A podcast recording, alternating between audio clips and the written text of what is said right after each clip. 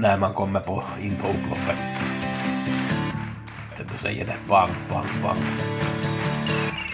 Vi hämtar stora, stora slantar. Bang, bang, bang, bang, bang,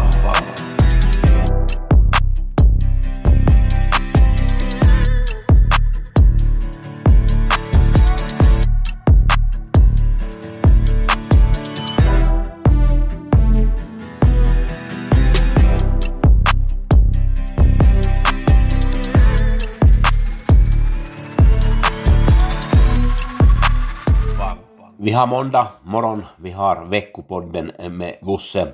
Vi ska gå igenom förra veckan, det var ju bara tips på V86. Vi ska ta lite om den här veckan.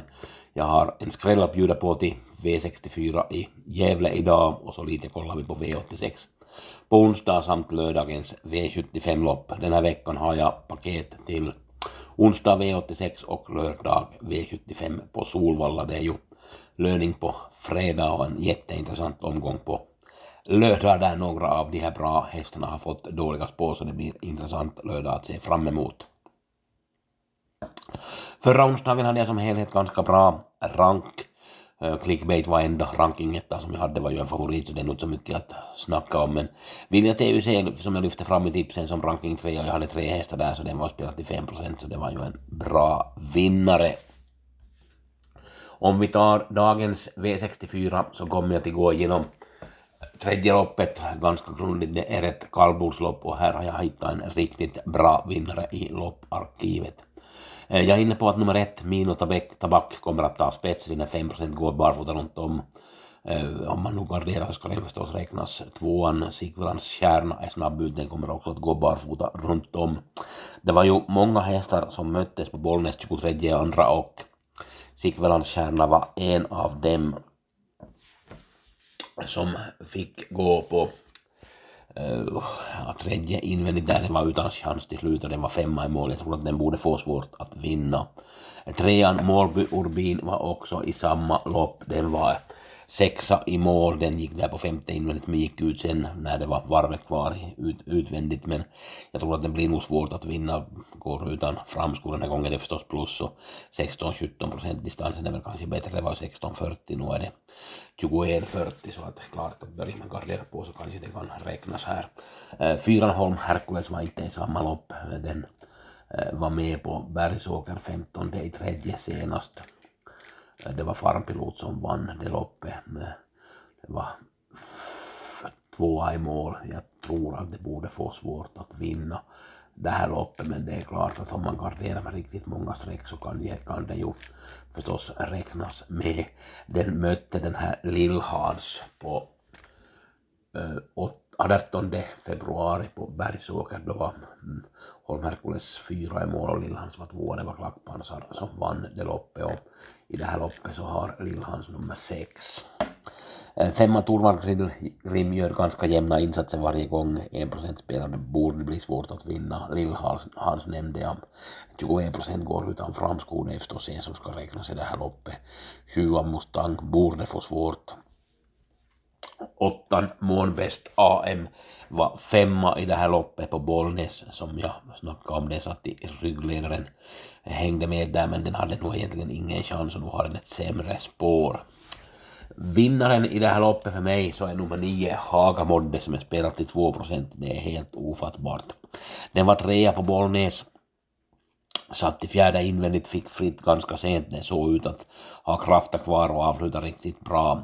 Närma sig de här ettan och tvåan i mål där.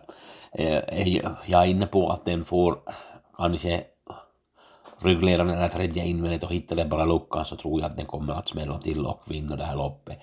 Till den här procenten kan jag inte hålla tassarna borta utan jag rankar den etta.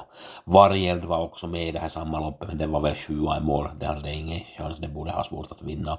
Järvsökurt var också med nu kommer Järvsökurt att gå utan framskor som jag tror att det är plus. Hästen har, gör andra starten efter paus, det är förstås plus. Distansen är plus. Den var fyra i mål, den förlorade mot Hagamodde men jag tyckte inte att den såg sådär helt hundra ut. Klart att den kan slå ha Hagamodde men till 40 procent tycker jag det är lite väl mycket sträckan om man jämför med Hagamodde som är 2 procent så att jag kommer nog att gå ganska äh, stort ut på, på Hagamodde i det här loppet. Alsaka Juni har ännu 12 men den borde få svårt att vinna, den har lite dåligt läge. Så att äh, någon slutgiltig ranking har jag inte gjort någonting men i alla fall kan jag säga så mycket att ensamma kommer Hagamodde att bli och jag kommer nog att på mitt reducerade talen som utgångshäst kanske kommer till och med att spika på något system så pass bra idé tycker jag att det är i det här loppet jag tycker verkligen om att analysera de här kallblodsloppen så att vi går ganska rakt ut på Hagamodde i det här loppet. Onsdag V86 Solvalla och Åby har vi intressant på Solvalla, andra loppet som är ett kallblodslopp. Där vi har Kaisa Sture från spår 1, vi har Reime Bläsen med Rennesvik från spår 4, Jorma får köra Rönningskutten som vann senast. Tåga Viktor med Ola Johan Östre från spår 10, de här står där framme och 20 tillägg har vi Björli Fanner, Aragon, Kavaleren och Tangentöff. Det här är ett intressant lopp att analysera och det är som sagt kallblod och här kommer jag nog garanterat att hitta någon bra vinnare åt er. På lördag har vi V75 på Solvalla och det är finalerna och det blev ett jätte, en jätteintressant omgång. Vi har i silverdivisionen Burps Victor från spår 1, Hellpatrull, trean Unicreation Creation Eros Sola, King of Everything Behind Bars, Axel Röda. Ja, det blev en helt intressant lopp här.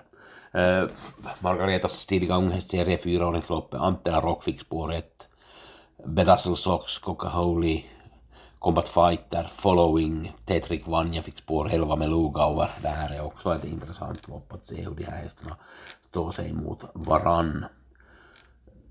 Så har vi gulddivisionen där Hannu Korpi kommer med Hero Buku som avslutar sylvast på Värmo senast. Den fick tyvärr spår 8. Jag vet ju att hästen är i kanonform. Det är Spickleback Face har 12 Folka Dream har 9 Ferrari Sisso är med Ultion Face. Chapuis tar väl spets. Aetos Kronos. Ja, det var nog ett, en intressant gulddivision men jag kommer nog i alla fall att ha Hero Buku väldigt tidigt med på ranken. Sista loppet fick Jorma spår 11 med Hajon Peppar. Jag tycker att den har en ganska bra uppgift trots att det är lite bakspår. Jag kommer säkert att ta ett snack med Jorma här under veckan så vi får lite information åt er kring hans möjligheter.